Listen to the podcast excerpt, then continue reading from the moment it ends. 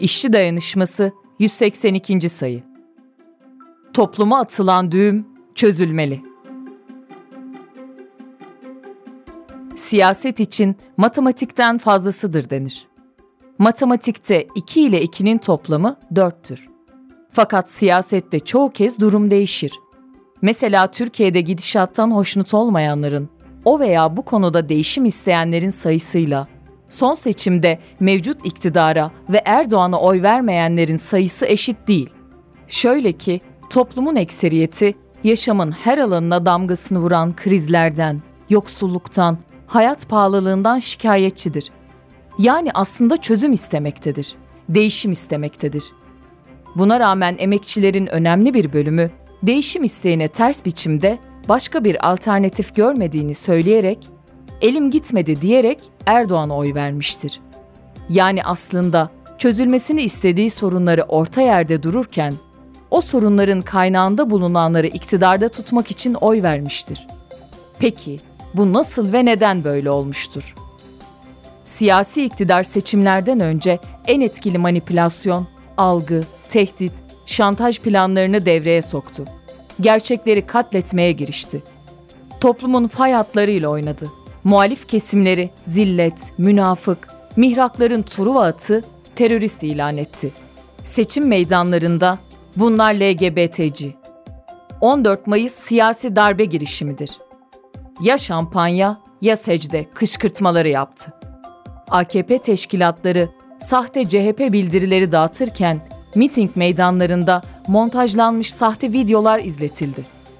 Yanlış bilgiler bir kez yayıldıktan sonra örgütsüz toplumu gerçeğe inandırmanın hayli zor olduğunu iyi bilen siyasi iktidar, gerek resmi, gerekse de on binlerle ifade edilen troll orduları gibi gayri resmi araçları üzerinden dezenformasyon silahını olabildiğince etkin kullanmaya çalıştı.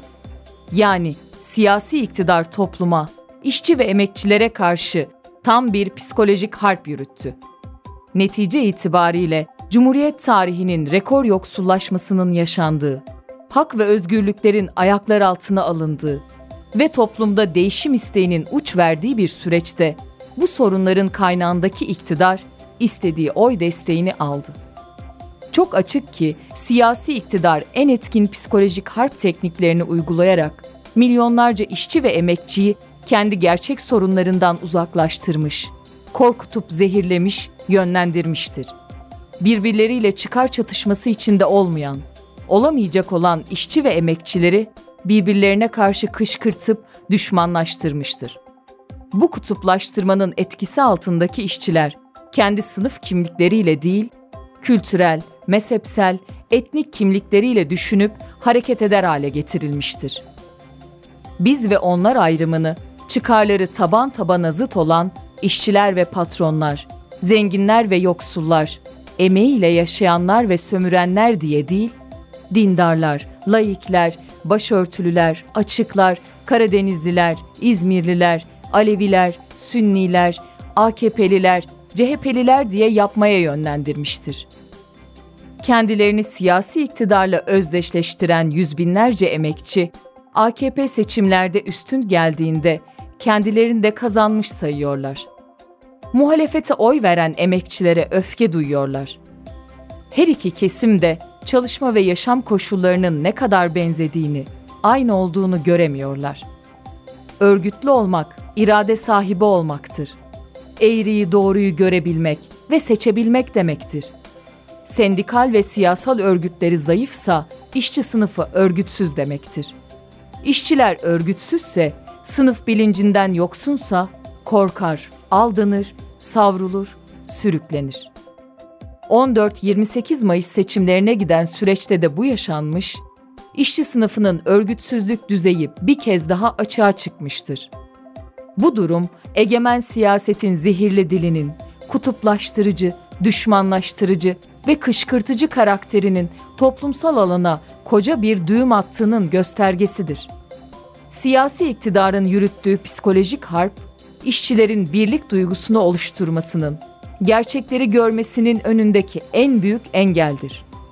Sorunların çözümünü, toplumun önünün açılmasını engelleyen bu düğüm Ancak işçiler kendi sınıf kimliklerini kuşandığında, yapay ayrımları bir kenara bırakıp gerçek ayrımın üreten %99'la üretilen zenginliğe el koyan %1 arasında olduğunun bilincine vardığında çözülebilir. İtalya'da Mussolini faşizminin hapislere attığı Gramsci, bugünlerle hayli benzerlikler taşıyan yaşadığı dönemi alacakaranlık olarak adlandırarak şöyle demişti. Eski dünya ölüyor. Yenisi ise doğamıyor. Ve bu alacakaranlıkta canavarlar ürüyor. Kapitalist sömürü düzeninin ve egemen rejimin işçi ve emekçileri vaadi ancak alacakaranlık canavarları olabilir. Örgütlü, mücadeleci işçiler, işçileri birleştirip düğümleri çözmek için alacakaranlığın canavarlarını def etmek, o yeni dünyanın doğumunun önünü açmak için çaba göstermelidir.